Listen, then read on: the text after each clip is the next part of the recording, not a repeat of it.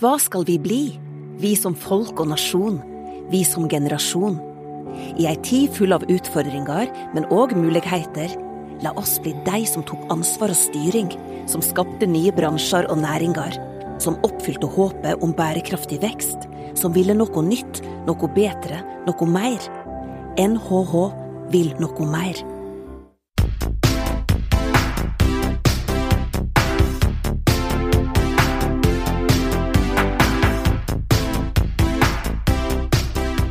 Velkommen til en ny episode av Ledertaffel, NHHs podkast om ledelse. I denne podkasten kaster vi et blikk på aktuelle tema innen organisasjon og ledelse. Vi diskuterer hva forskningen sier, og vi kommer med noen av våre tanker om hva ledere kan gjøre annerledes for å lykkes der de er. Mitt navn er Marius Jones, og jeg er ph.d.-stipendiat her ved Norges handelshøyskole. I denne episoden snakker vi om kundeservice, og vi har med oss Tor Wallin Andreassen, professor på NHH og direktør for Digital Innovation for Growth og den digitale transformasjonshuben på NHH. Vi snakker om hvorfor kundeservice ofte er så dårlig, om chatbots, bruk av high-tech og high-touch i kundeservice, og hvor i organisasjonen ansvaret for kundeservice bør ligge. Velkommen til en ny episode av Ledertaffel.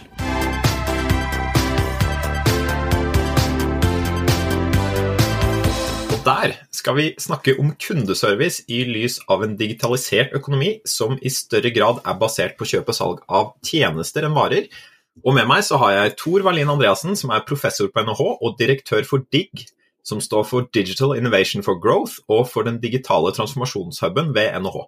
Så velkommen til deg, Tor. Tusen takk skal du ha. Og så har jeg selvfølgelig med meg Therese Sverdrup, førsteamanuensis og fast podmaker, så velkommen til deg også, Therese. Hjertelig takk. Og for å sparke dette her i gang, da. Tor, kan du si litt om din bakgrunn og hvordan du har tilnærmet deg kundeservice som forsker? Egentlig er det en ganske morsom historie. Dette går vi tilbake til da jeg skulle skrive doktoravhandlingen min eh, i Stockholm, på jakt etter tema. ikke sant? Så uh, merket jeg liksom i litteraturen at alle sammen snakket om kundetilfredshet, og veldig få som snakket om kundemisnøye. Og så tenkte jeg ah, det, det, skal jeg gjøre til mitt tema. Så da var det bare å finne ut hva unikt. ikke sant? Så, da, så begynte jeg å løpe langs det sporet der, og da skapte jeg også da, uh, eller Avhandlingen ble hetende da 'Misnøye med tjenester i Norge'. Så uh, For å kunne finne de dataene, så hvordan får du tak i data på misfornøyde kunder? Og Da måtte jeg lage det som en behetende norsk kundebarometer. Altså, bare for å få inn de dataene. Komme i kontakt med mennesker har du også vært, hatt grunn til å være misfornøyd? Ja, kan jeg ringe deg opp igjen?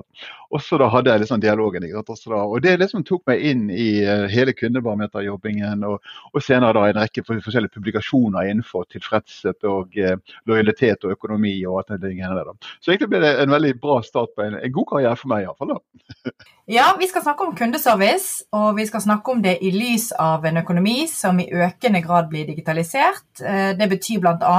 at enda større del av kommunikasjonen kommunikasjonen mellom kjøper og selger da foregår via nett eller app, heller da enn ansikt til ansikt. Og vi skal snakke om det i en lys av en økonomi som i økende eh, grad blir eh, basert på kjøp og salg av tjenester, heller enn varer. Så Tor, hvordan blir kundeservice annerledes i en digitalisert tjenesteøkonomi? La meg begynne med eh, varer, altså en, eller en tjeneste som er den tradisjonelle som, hvor vi kommer fra. Altså Jeg er i et hotell, eller jeg er på et fly, eller jeg er i en restaurant, eller jeg er et, eh, hos McDonald's, eller hva det er. Men i en sånn interaksjon med et menneske. ikke sant? Altså, da, og eh, Så er det noe med den interaksjonen. altså da Tjenesten er ikke helt som jeg hadde trodd, eller innskjedde skjedde ikke sånn som jeg hadde trodd, eller hamburgeren var ikke den kvaliteten, eller vinen var ikke den kvaliteten. Så det, det, det, fysiske møtet mellom mennesker med da en, en, noen konkret i, i bunn.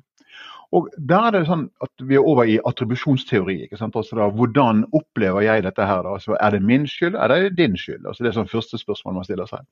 Og så øh, og det min, kan det være fordi at jeg var delaktig i produksjonen. så Hvis jeg bestilte en sydentur, så har jeg gitt veldig mye input. ikke sant? Så Hvis det gikk galt, så kanskje er det den inputen jeg ga, øh, som jeg ga, som var feil. Det var grunnen.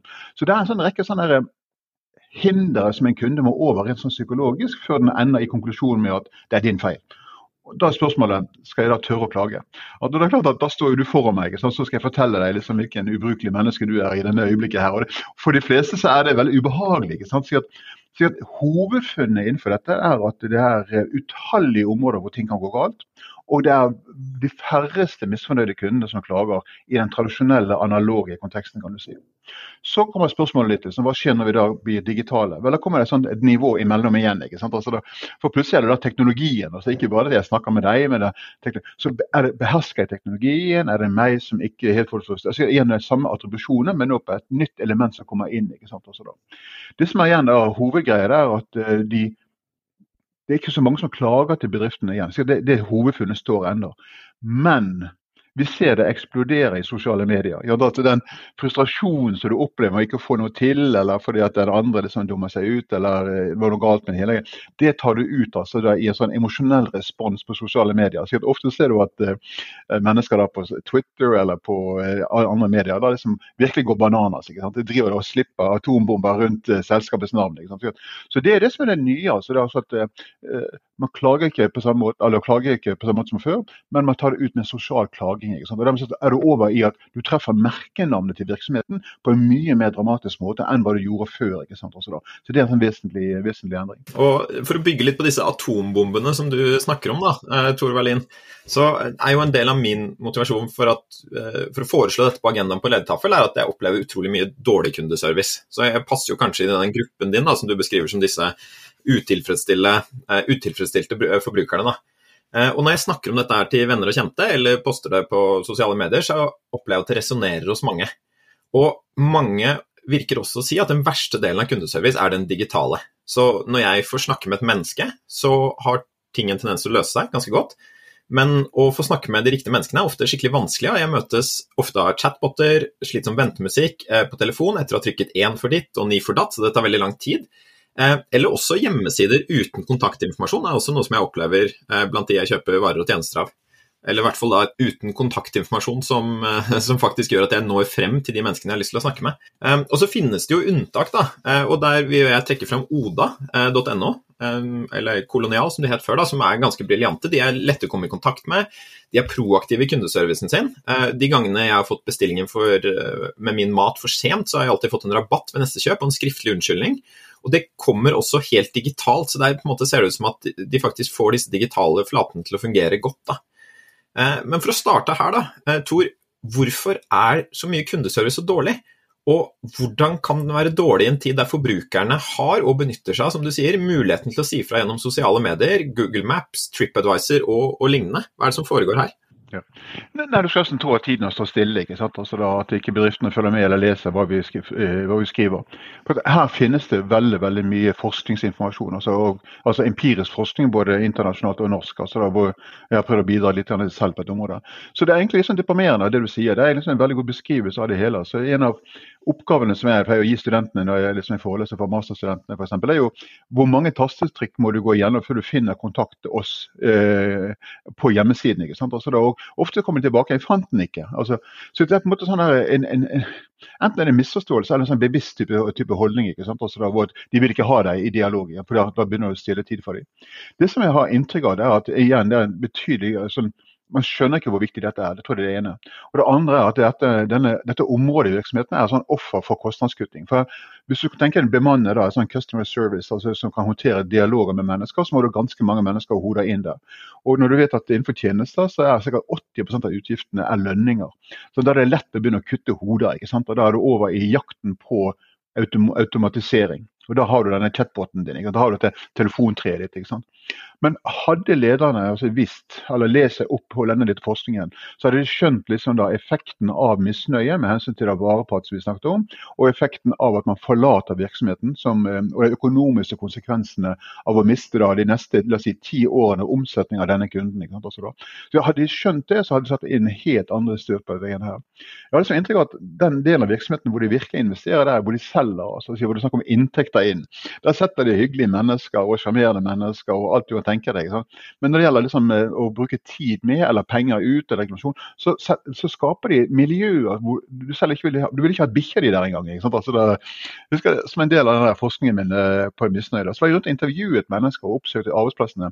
Vis meg eh, klagehåndteringsavdelingen og det var mange ganger vi måtte bare rygge ut igjen. ikke sant? Altså, det, var sånn, det, var sånn ikke, du har ikke noe karrieretrekk liksom, da, å, å, være leder av reklamasjonsavdelingen. Altså. Da, da, da, var du nesten straffet. Altså. Da hadde du gjort noe galt. Men liksom da å løfte det frem statusmessig fordi du skjønner betydningen av god håndtering av kundene når ting går galt. ikke sant? Hva det betyr for varepraten, hva det betyr for da, denne hyggelige omtalen på sosiale medier, og hva det betyr for fremtidige inntekter. Hadde man skjønt disse tingene her, så tror jeg man hadde gjort veldig mye annerledes altså da, enn det vi ser i, i dag, dessverre. Hva, hva, vet vi egentlig om kvaliteten på kundeservice? For det, ja, det er kommet mer forskning på det. Så jeg ville jo tro at bedrifter tar til seg noe av dette, og at det blir bedre. Eller blir det dårligere? Hva vet vi om det, Tor? Jeg tror det er veldig mye flatt bortover. Så da, den gode nyheten er, det er at det er, det er, rom for deg og meg som forskere og som lærere. altså, her er det stort uttappet marked. altså. Så det er den gode nyheten. Men det er jo også en trist nyhet. Så det som var da, Hvis jeg bare går tilbake til det som jeg begynte med, med Norsk kundebarometer. Poenget der var å løfte nivået på opplevde tjenester, altså si sånn kvaliteten i tjenester. Og, og, Det har vi sett at næringslivet har respondert veldig på. Så I den ytre fasen så, har, så ser vi liksom at nivået, det gjennomsnittlige nivået har steget signifikant fra 1995-96 da vi lagde det. Så Det er den veldig gode nyheten. Men så er det det området som borer ned i dette kundemisnøyet når ting går galt, som de alltid vil. Altså det Uansett hvor proff du er, så vil det alltid snuble i skolissene dine. Og så må du ha en plan B. Hvordan rydder jeg opp her? Og Det er den biten de har gjort så innmari dårlig. Og da, da, står vi dønn stille altså, med hensyn til det området der. Og det blir bare enda verre når det blir digitalt. For da, for da, da tror jeg man lett kommer i sånn emosjonelt affekt som kunde. Man blir så oppgitt, man blir så fortvilet liksom, når du kaster bort tiden og du får ikke det til. og du, du, føler at dette er helt meningsløst. De kunne gjort det mye bedre. Og Da går du altså fra da å være litt sånn misfornøyd til å bli sånn over i hatstemning. Altså Hvis du har sånn et hjul av emosjoner, så går du liksom da ikke fra kjærlighet til hat, men du går liksom da fra misfornøyd rett over i sånn forakt og hat. Og det er ekstremt sterke emosjoner. ikke sant? Altså da, og Hvis ikke du skjønner at dette du skaper vil ikke rydde opp etter deg, vel, så burde du nesten be om skolepengene igjen. altså da. At Konsekvensene er bare formidable. Hva kan de gjøre? Men jeg synes jo da I denne digitale verden så må du aldri glemme at vi har en fin balanse mellom high tech og high touch. Og Dette området her er sånn typisk high touch-område, så du ikke bør automatisere. Men alle sånne funksjonelle ting hvor det er snakk om effektivitet som en standardfunksjon, det kan du automatisere. for Da bare sparer du tid. Men her ønsker de å bli tatt vare på. Og Det som er, det som er, det, det, som er det underlige, er at hadde lederne skjønt den psykologiske tilstanden som kundene befinner seg i. Altså de, er, de er fortvilet for de skulle fått gjort noe som de ikke får gjort. De er sinte, og de forventer motstand hvis jeg begynner å klage. Så De kommer til deg altså utstyrt med håndvåpen og granater og atombomber liksom, og er forberedt på en voldsom kamp. ikke sant? Så hadde du bare lagt deg opp langs skutesiden og sagt at du, dette må vi finne ut av. Dette er helt forferdelig at du har kommet. Du, jeg tar ansvar og skal fikse. Da har du tatt luft ut av ballongen, og du har kommet over i sånn delight-modus med en gang. Fordi du hadde forventet at dette går ikke bra. Altså. Så det er mye av det. Altså. En av de morsomste bøkene jeg har skrevet, totalt uakademisk, den helt uh, Serviceheltene. Hvor vi var rundt og diskuterte og snakket med mennesker som da drev i kundefronten og håndterte innkomne samtaler. Og det de, Alle de triksene de hadde der for liksom å håndtere da sinte mennesker, er helt fantastisk. Altså, da. Og de flinkeste av de flinke snudde de rundt som en sånn 100 000 tonner på femøringen og fikk de til å danse jenka ut av telefonsamtalen. Helt fantastisk, altså. jeg, må lov, jeg må jo bare få lov å komme inn med en anekdote der, eh, Tor Wallin. Fordi at uh, Før jeg ble kjent med deg, så satte jeg serviceheltene på pensum den gangen jeg skulle utdanne, uh, og etterutdanne riktignok, uh, disse som jobbet i førstelinjetjenesten i offentlig sektor, som allerede fått noe som helst utdanning. Men jeg tenkte, Hva bok kan jeg gi de som gjør at de kan lære seg noe rundt dette mer sånn forskningsbaserte på eh, dette kundemøtet. Vi kan ikke gi dem en tung eh, akademisk bok. 'Serviceheltene' ble vår bok. Og den var rett og slett, som du sier, nydelig. Og det jeg likte så godt, var nettopp det du beskrev nå, som jeg syns er et godt begrep dere bruker inni der. Servicehelt er greit, det er en person som ordner opp. Men det det handler om, det er sannhetens øyeblikk. Altså, idet du møter eh, bedriften, og bedriften møter en kunde, det er sannhetens øyeblikk. Og i det har du muligheten til enten eh, drite deg fullstendig ut som bedrift, eller virkelig rydde opp. Og det, og det er der den jeg kaller med førsteinntrykkseffekten, hva er det man sitter med? Det er så mye emosjoner i selve det sannhetens øyeblikk. Så jeg tror det at bedrifter som evner å se at hvor mange sannhetens øyeblikk har vi i løpet av en kundereise, og, og det å rydde opp og osv., der da har du mulighet til å bore og, og virkelig ja, legge opp på fine måter og både gi kundeservice og rydde opp. Jeg er helt enig med deg. Altså. Det, er også, uh, veldig deilig å varme da, at du, den boken var kul. For jeg synes det var den kuleste, den, kul, den kuleste boken jeg har skrevet selv. Altså. Men det, er ikke det som gjorde at jeg ble professor. Si. Sånn. Men det var nesten ga, mest glede. For akkurat det der sannhetens øyeblikk altså, Om du er der du møter teknologi eller du møter mennesker, det er, der det skjer. Dette kontaktpunktet. ikke sant? Altså, Å forstå hva som foregår der, er helt fantastisk. Og, men du Marius, er jo en av de lokale sorte, sorte belteforkjemperne for eh, custom, eller service design. Og det er jo her du kan fjerne rynkene. Det er jo her du kan gjøre smooth riding. Hvis du går inn og forstår hva som foregår her. Men det igjen, altså, det er ikke det kuleste området du kan jobbe for. Det, det kuleste er der hvor du tjener penger. Eller her redder du penger. Og det er jo like kult. altså Det er nesten enda kulere. da. Kult. Og det slår meg at dette kanskje sannhetens øyeblikk blir enda mer et sannhetens øyeblikk når hele kundereisen har vært digital fram til det første møtet også. Så at, da, at det første møtet med mennesker blir enda viktigere. Og har du, har du, noen key takeaways eller, Tor, fra den boka? Altså, Hva er det disse serviceheltene gjør for å klare å få folk til å gå fra å være sinte til å danse jenka ut av telefonen? Oh, ja, riktig. Du, dette er altså si vi, Det var jo veldig skjevt utvalg vi hadde da. Det var, det var, jo mennesker som var kjent liksom da av, uh, av uh, sine kollegaer og kundene sine og sjefene sine. Fordi at de var sånn Ja, der ser dere, der har vi det boken.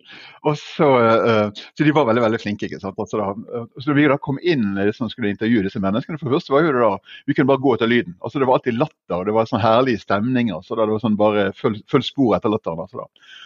Men, men, det som slo meg, det var at de hadde da sånn mikroanalysert alle stegene sånn fra første øyekontakt med deg. Altså du skal tenke deg, Hvis du er i en skranke og et menneske kommer og møter deg. Fra de, du reiser deg opp, så begynte de å analysere kroppsspråket ditt, klærne dine, måten du bar deg på.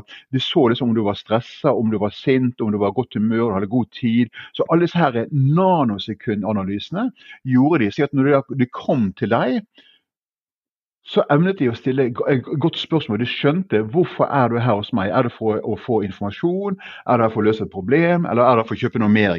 De, de satte seg opp og altså, si hvilken rolle de skulle spille for deg. Altså, så Hvis du bare kom der for å klage, så begynte ikke du å selge til deg. Også.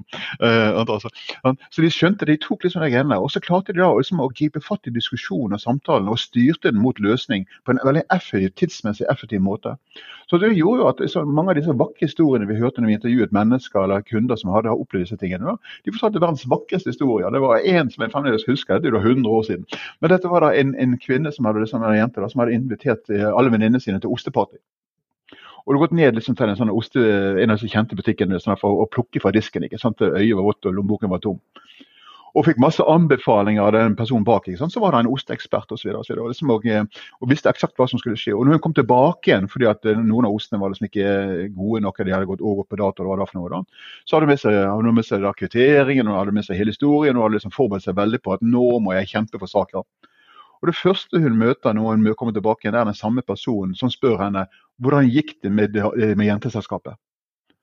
Og, og Da har du første brudden av. ikke sant? Og det andre var at du, dette var, altså, og så kom det hele den der med at dette fikser vi. Og her har du da liksom compensation plus one. Så det første er liksom kompenser, sympatiser, kompenser, legge en ekstra gulrot. ikke sant? Si at du da får noe tilbake som gjør at du da, som det er Oda-eksempelet ditt, du får noe tilbake igjen. altså. En restaurant beklager at uh, maten ikke var helt 100 desserten er på oss, og kaffen også, og du får med deg en doggybag uh, hjem. ikke sant? Altså alle tingene der. Og Dermed så har du altså jenka-dansingen ut av samtalen. Ja, for Jeg får jo litt lyst til å spørre om forskning knyttet til altså, for Det er så spesielt det der med det emosjonelle. Du du, du har fyrt deg opp, og du bare forventer at nå må jeg kjempe min sak. Eh, og de vil sikkert ikke gidde å høre på meg engang. Og så blir du møtt motsatt med at 'oi, selvfølgelig', nei, beklager, men her Og så får du plaster på såret pluss, pluss, pluss. Eh, vet vi noe om de folka blir enda mer trofaste mot bedriftene etterpå? Fordi at vi får denne kalde overoppfyllelsen av forventninger. Så hvis jeg skal knytte det til psykologisk kontraktteori, så, så, vet vi at det kan skje. Vet vi noe om det, at det skjer? Det var det som var liksom litt, av det, litt av de spennende tingene i doktoravhandlingen din. Så da var at Jeg sammenlignet de med de som var fornøyde, altså ordinære kunder som hadde gjennomgått en tradisjonell uh, forløp, med de som da hadde vært misfornøyde og klaget. Vel, klaging blir på en måte da, sånn stimuli. altså Du går inn og intervenerer. ikke sant, også da. Og For mange så er det sånn dobbelt negativ opplevelse. Ikke? at Du klager, håndterer og blir enda sintere. ikke sant, også da. Men så er det der hvor de hvor de møter denne sympatiseringen, denne løsningen og denne kompenseringen. ikke sant, også da. Og de viser seg å være da, om ikke enda mer lojale, så er de mer committa. Hvis du tar da lojalitet og bryter det opp altså en gjentagende atferd, og en form for commitment, en binding til selskapet, så var dette her bindingselementet, altså den emosjonelle bindingen, som var styrket. ikke sant? Og Det betyr jo bare da at du med enda større sannsynlighet kommer tilbake med samme pose penger i de neste periodene fremover. Hvis du neddiskuterer den, vel så sitter du igjen altså med en mye større sannsynlighet for at verdien av deg vil komme, altså da, rent sånn økonomisk. Parallell på det, for det er utrolig interessant det. For det høres ut som at klager er en mulighet til å bygge relasjoner. Og det er en parallell til um, psykologien, hvor det er et begrep som, heter, som brukes i terapi som heter mikroseparasjoner. Som er når du sitter terapeut og klient og snakker sammen, og det skjer et eller annet som gjør at noe skurrer relasjonen. Det er noe klienten kjenner på at her er det et eller annet som terapeuten ikke klarte å på en måte respondere godt på.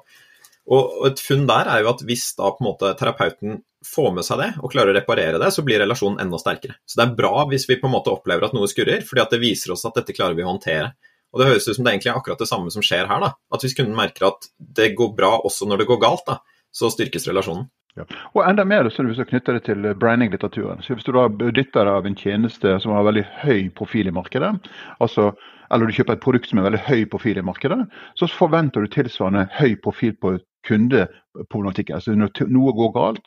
Og alle kundene skjønner jo det og er stor tilgivelse på det. Men det de forventer, er at du rydder opp og tar ansvar og rydder opp. ikke sant? Altså. Så derfor er det sånn Når du da blir henvist til sånne her da, telefontreer eller en chatbox som ikke skjønner noe, ting, så fyrer du bare opp enda en ny rakett. ikke sant? Så da, at Du går jo bananas, du går ballistisk. ikke sant? Altså da, og, da får du alle disse hatreaksjonene. Du, du, kan, du går liksom fra da, altså fornøyd til misfornøyd med veldig aktive emosjoner, hvis du beholder til emosjonslitteraturen. så veldig aktiv. Og da er du over i at 'jeg skal ta rotta på deg'. Ja, jeg skal ta rotta. Altså, du er over i hevnmodus. ikke sant? Og Da ser du alle disse her atferdene. Og en veldig herværende person hadde jo sånn atferd på LinkedIn. ikke sant? Altså da hvor fortalte om sin skrekkelige opplevelse i det hele. Så da har du liksom midt in your face. liksom da. Så det er veldig, veldig sånn eh, ja, nesten hevnmotivert når du får en ikke-løsning på et sånt problem, hvor du forventer at det blir løst. Men desto mer så at når du da har et veldig høyprofilert og du får en god løsning, en sånn smooth løsning, bekrefter du at dette er anstendig merke. anstendig, altså Her vil jeg bli værende, som da Therese spurte om. En sånn ting som jeg også lurte på, da, for at nå snakker vi litt om dette her bør være high touch og kanskje ikke high tech. Og så er det jo ganske mange virksomheter som, som prøver å gjøre dette mer high tech og mindre high touch. og Det skjønner jeg at gir veldig mening, særlig fra et sånn cost cut-perspektiv, som du har nevnt, eh, Tor. Eh, og mange virksomheter prøver jo da å automatisere kundeservice, bl.a. ved bruk av sånne chatbots. Og, og, da lurer jeg litt på om, om, det er noe forskning som sier om det funker eller ikke funker. fordi at sånn, Min hverdagsforskning tyder på at folk flest er ganske misfornøyde ofte med chatbots. da. Og det er jo en del av det du beskriver med dette high touch som eller grunnen til at det funker å møte et menneske da, som virker å handle om ting som en chatbot ikke kan møte oss på. F.eks. å på en måte se hvilken situasjon er du faktisk i, og, og, det å på en måte tune seg inn emosjonelt på der hvor du er. Og Dit har vel ikke helt chatbotene kommet. da. Så, så hva tenker du om bruk av chatbot i kundeservice? Nei, altså På nåværende nivå hvor vi befinner oss rent sånn eh, for, eh, forskningsmessig, men også teknologiutviklingsmessig, så er ikke chatbotene gode nok. altså da. Og, eh, og Det er fordi de har ikke fått trent lenge nok på disse stemmene. altså. Chatbotene øver seg. altså Bedriftene er for keen eller for ivrige til å hive ut teknologien, som ikke er perfekt, og lar kundene øve på den for å hjelpe bedriften. Vel, Hvis du er bananas og så skal du hjelpe bedriften å trene inn i en robot, så går du ballistisk. ikke sant? Altså så, og Jeg har jo også si, jeg har jo ørten ganger liksom gjort det her, og skrevet til bedriftene er dere riktig kloke. Altså, du må da tenke.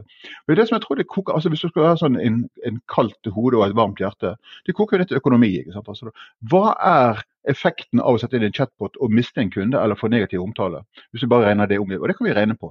Eller hva, hva skjer hvis du setter inn et menneske som håndterer det når du får det, der beholder kunden? Altså, hvis du sammenholder de to kontantstrømmene med å justere på, på, risiko, så vil du finne at det å sette inn mennesker på denne situasjonen, denne situasjonen er veldig lønnsomt. Altså. Det er nettopp fordi du beholder kunden, du slipper å tape dem. Alternativet er at du må rekruttere en ny kunde fra scratch. Så du må investere tungt marketingmessig i reklame og ting på å få kunden inn. og Så skal du ha den så lenge at du blir lønnsom, og så skal du begynne å tjene penger på den. Altså da, den type ting. Så dette er altså så lavt hengende frukter. Du aner det ikke. ikke altså det at eh, du og, med, du og jeg på kne, på, i knestående kan jo plukke disse fruktene her. Liksom da. Så Derfor er det sånn at hvorfor reagerer ikke næringslivet? og derfor er det som, Kanskje vi skal lage et kurs i uh, Therese, på hvordan servicehelter i, i, i 2.0. Ja, jeg er med. ja, for det er jo noe med, altså, eh, som du sier, vi, vi går inn i organisasjoner, og så borti et hjørne sitter noen som håndterer disse klagene. Eh, og så har vi ledere, vi har noen som driver en organisasjon. Hvor bør egentlig ansvaret for kundeservice ligge? Det bør ligge i linjen. ikke sant? Også da igjen tilgjengelighet altså si på disse menneskene. Man kan jo veldig enkelt styre. Vi vet jo at de fleste kundene går inn på hjemmesiden din altså når de velger å ta kontakt. ikke sant? Bare da flashe opp med en gang, kontakt oss. Og så bare ha en veldig ryddig, enkel struktur på det greiene Hvordan, altså, skal, skal, jeg kontakte deg for å kjøpe noe, hente informasjon, eller skal jeg liksom da, har, jeg, et problem jeg ønsker å løse? ikke sant? Og da har du allerede der kan du bare styre det med en gang, og kommer da og løser et problem. Da vet du at i andre enden du har en kunde som er da, har et problem som du ønsker å løse at da må du møte mennesker. Og Da kan du også håndtere sånn at du kan bygge deg et hierarki. altså Du kan ha mennesker som er, la oss si, har en viss kompetanse, og så må du ha sånn step up-prosedyre med en gang. Hvis ikke du klarer å løse det på første, så må du satt over til neste nivå med en gang. Så at kunden skal slippe å ringe tilbake igjen. Altså så denne step up-aktiviteten er, er, lett å håndtere. Vi har en annen studie som vi gjorde for noen år tilbake. det var jo Hva skjer hvis bedriftene setter dette ut til et profesjonelt callsenter? Altså, som har det som profesjon. ikke sant? Men det vi så det var at bedriftene, altså det callsenteret, hadde jo sånne KPI-er som gikk på effektivitet. altså Minst mulig tid, for de hadde gjennomsnittstid per samtale på sekunder eller minutter. ikke sant? Hvis du lå over det, så fikk du negativ performance score. Da kan du miste jobben din og bli trukket i lønn. ikke sant? Og Da har du igjen altså at bedriftene velger fra kostnadsgrunner å sette det ut til et marked, denne funksjonen, som da skal ta ansvar for dine kunderelasjoner. Det er jo sånn, Er det mulig? Altså, du, må, du, må, ta ansvar for kundene dine, altså, spesielt når det går galt. Altså, og, ta, altså, og beefe opp den biten der. Så Da er det altså si, eh, en førstelinje på teknologi, gjerne, og så må du ha andre teknologi, andre nivå med å være mennesker. så du må løse. det. når jeg ringer og tar kontakt med deg, eller jeg skriver til deg, hva det er for noe, så må jeg få løst det med en gang. Det er liksom regel nummer, nummer tre. altså Du må løse problemet en gang. For da har du plutselig det der med at nå har jeg kastet bort tiden min, og det er din skyld. Nei, Noe annet jeg syns er spennende i, i, forbindelse med altså, hvor skal ansvaret ligge, det er jo litt dette her, hvis vi tar det fra mitt perspektiv, som forsker litt på, på organisasjoner, ledelse, samarbeid osv. Eh, eh, hva type kultur eh, skal vi ha i en organisasjon som er god på kundeservice? Er det slik at, eh, sant? Du kan tenke deg at du har en bedrift som sier at 'vi setter kunden først'. Ok, høres helt nydelig ut. sant? Og så har du noen som sier 'vi setter ansatte først'. Og så tenker du 'oi, er de egentlig opptatt av kunden'? Men jeg syns det er fiffig da med de som da gjerne når jeg har lest de, de setter ansatte først. Det gjør de fordi at hvis vi pleier våre ansatte, så vil de også skjønne at de må pleie våre kunder. Sånn? Da får du liksom den mediatoreffekten som vi kaller det, den indirekte effekten. Eller eh, bør man være så tydelig hvis man er et veldig kundeorientert selskap, være tydelig på at vi setter kunden først. Hvordan responderer kunder på, på disse ulike storyene? Vet vi noe om det? Det er en, en, en, veldig sånn pedagogisk modell som ble utviklet på Harvard Business School i sen 80-tallet. Som de kaller for The Service Profit Chain. Som kobler innsiden av foretaket med utsiden av foretaket. Altså sier at eh, Kunder på innsiden, kunder på utsiden. Mennesker på innsiden, mennesker på utsiden. Det er liksom mantraet deres.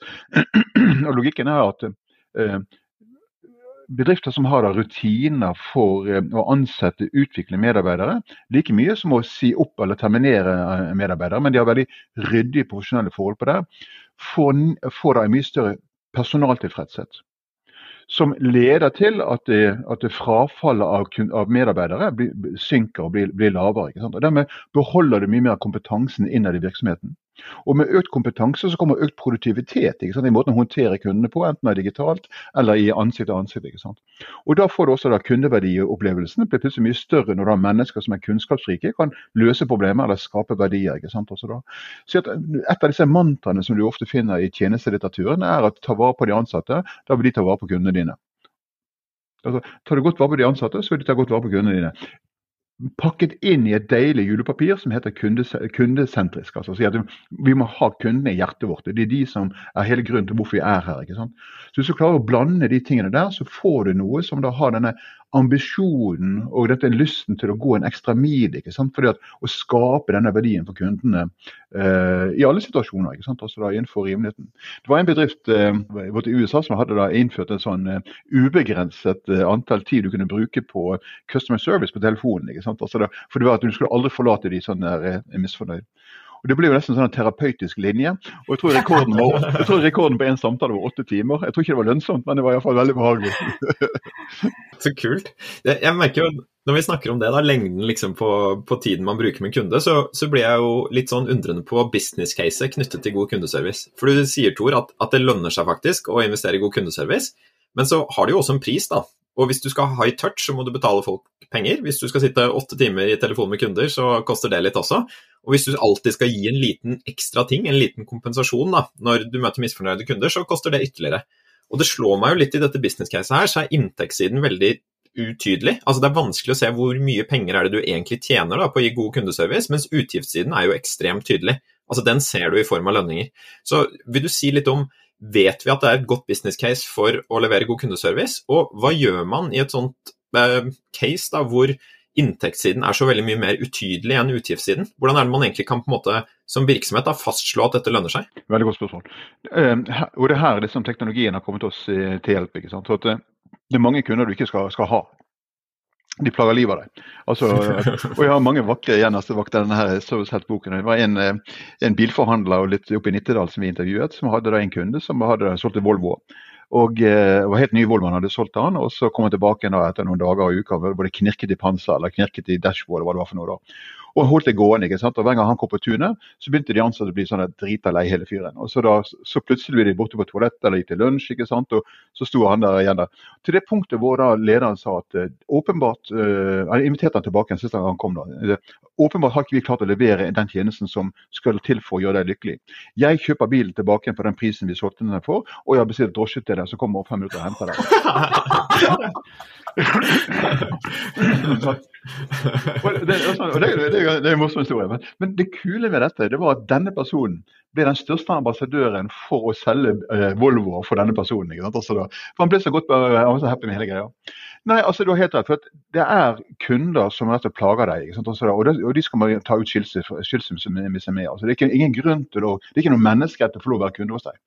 Men det krever at du har regnskapsdata, du har økonomidata, du har ting som tyder på at dette er en lønnsom kunde.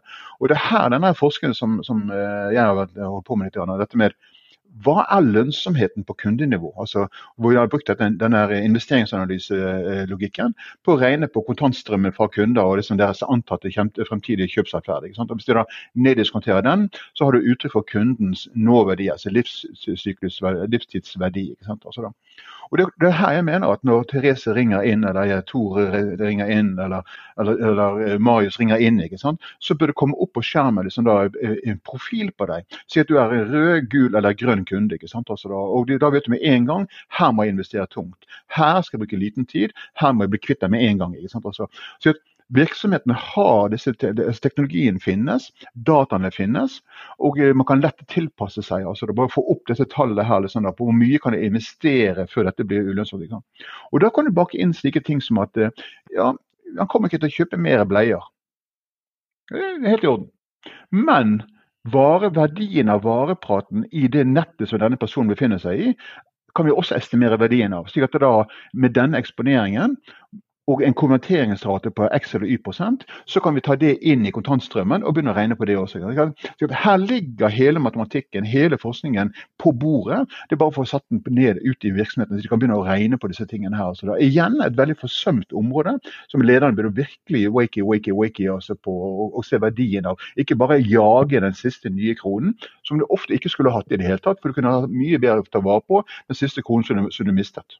Ja, for det bringer oss litt over på altså, jeg får jo assosiasjon til det digitale skiftet her. For vi får gjennom big data, gjennom å samle inn eh, data, og, og data den nye oljen osv. Eh, og hele det spekteret med vil kunde gi fra seg data, og hvordan skal fremtidens kundeservice se ut? Når det skal pakkes inn i et sånt bilde av at vi skal gi data og bruke data. Hva er dine tanker om det, Tor?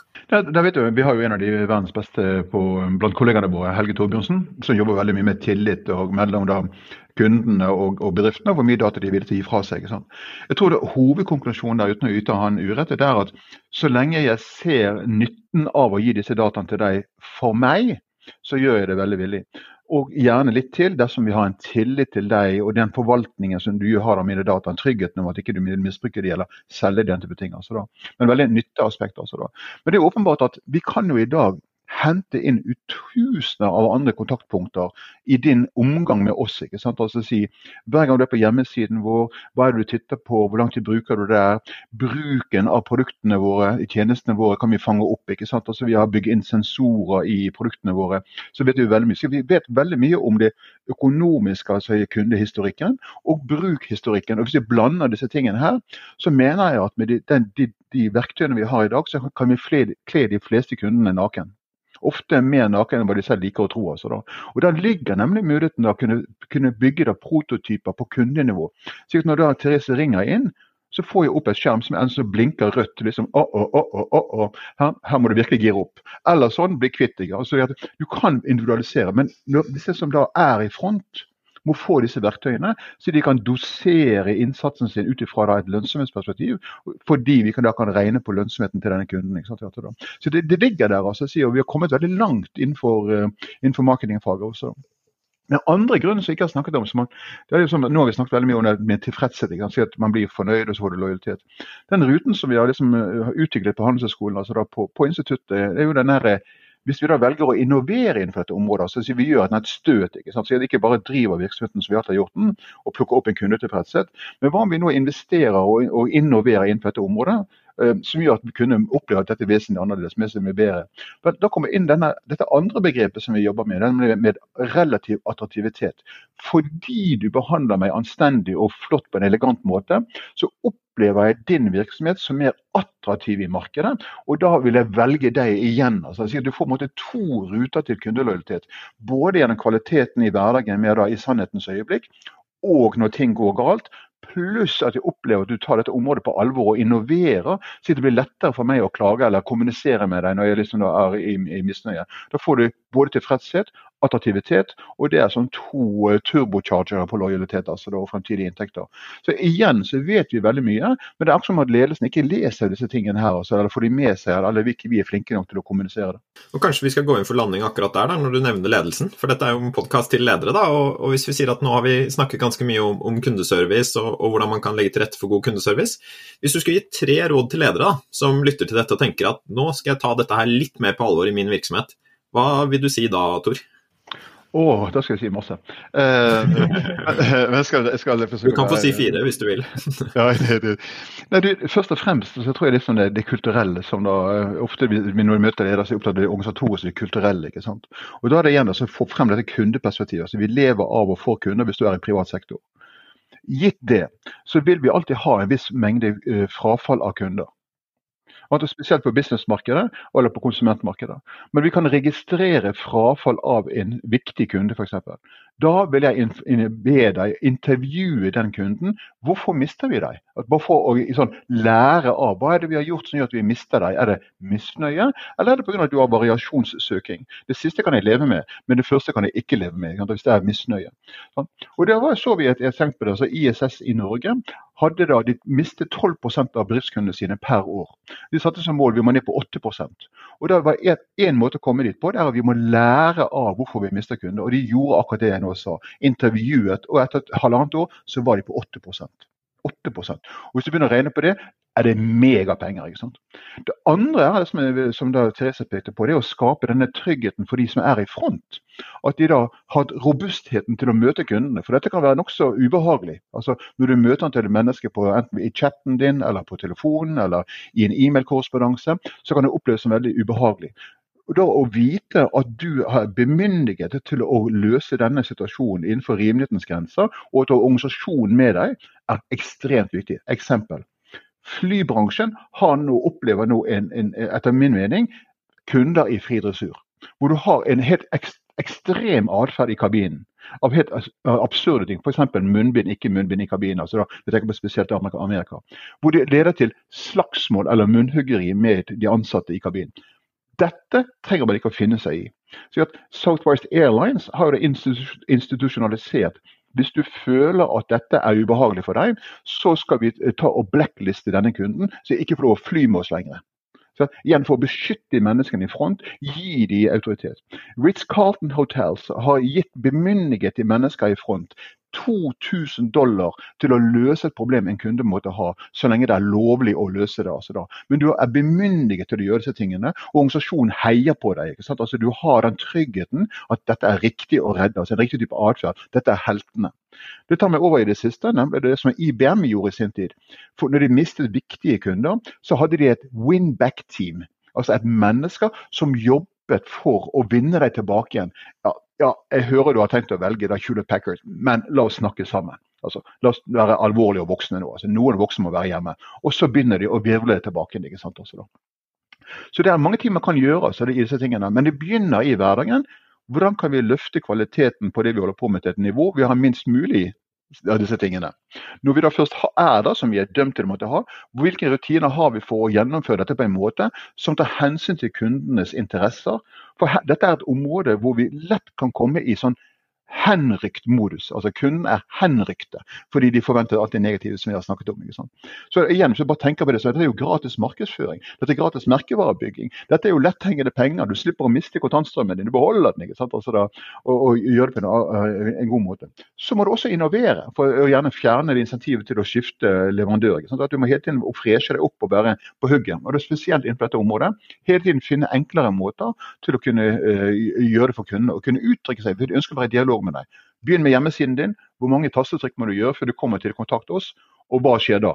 Altså hvis du kontakter oss. Altså, så det er masse ting her. Så dette er et område som vi egentlig burde lage et kurs for, Therese. For det heter det som der, 'Hvordan redde kundene når alt går galt'. Ja.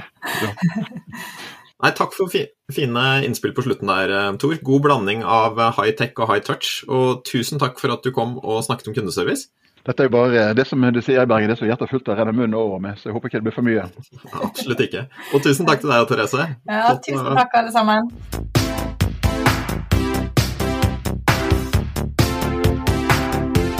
Du har nå hørt en ny episode av Ledertaffel, NHHs podkast om ledelse. I studio i dag var Tor Wallin Andreassen, Therese Sverdrup og meg, Marius Jones. Om du vil vite mer om hva vi holder på med på Norges handelshøyskole, så finner du oss på nhh.no og ved å søke på NHH på Facebook. Vi høres!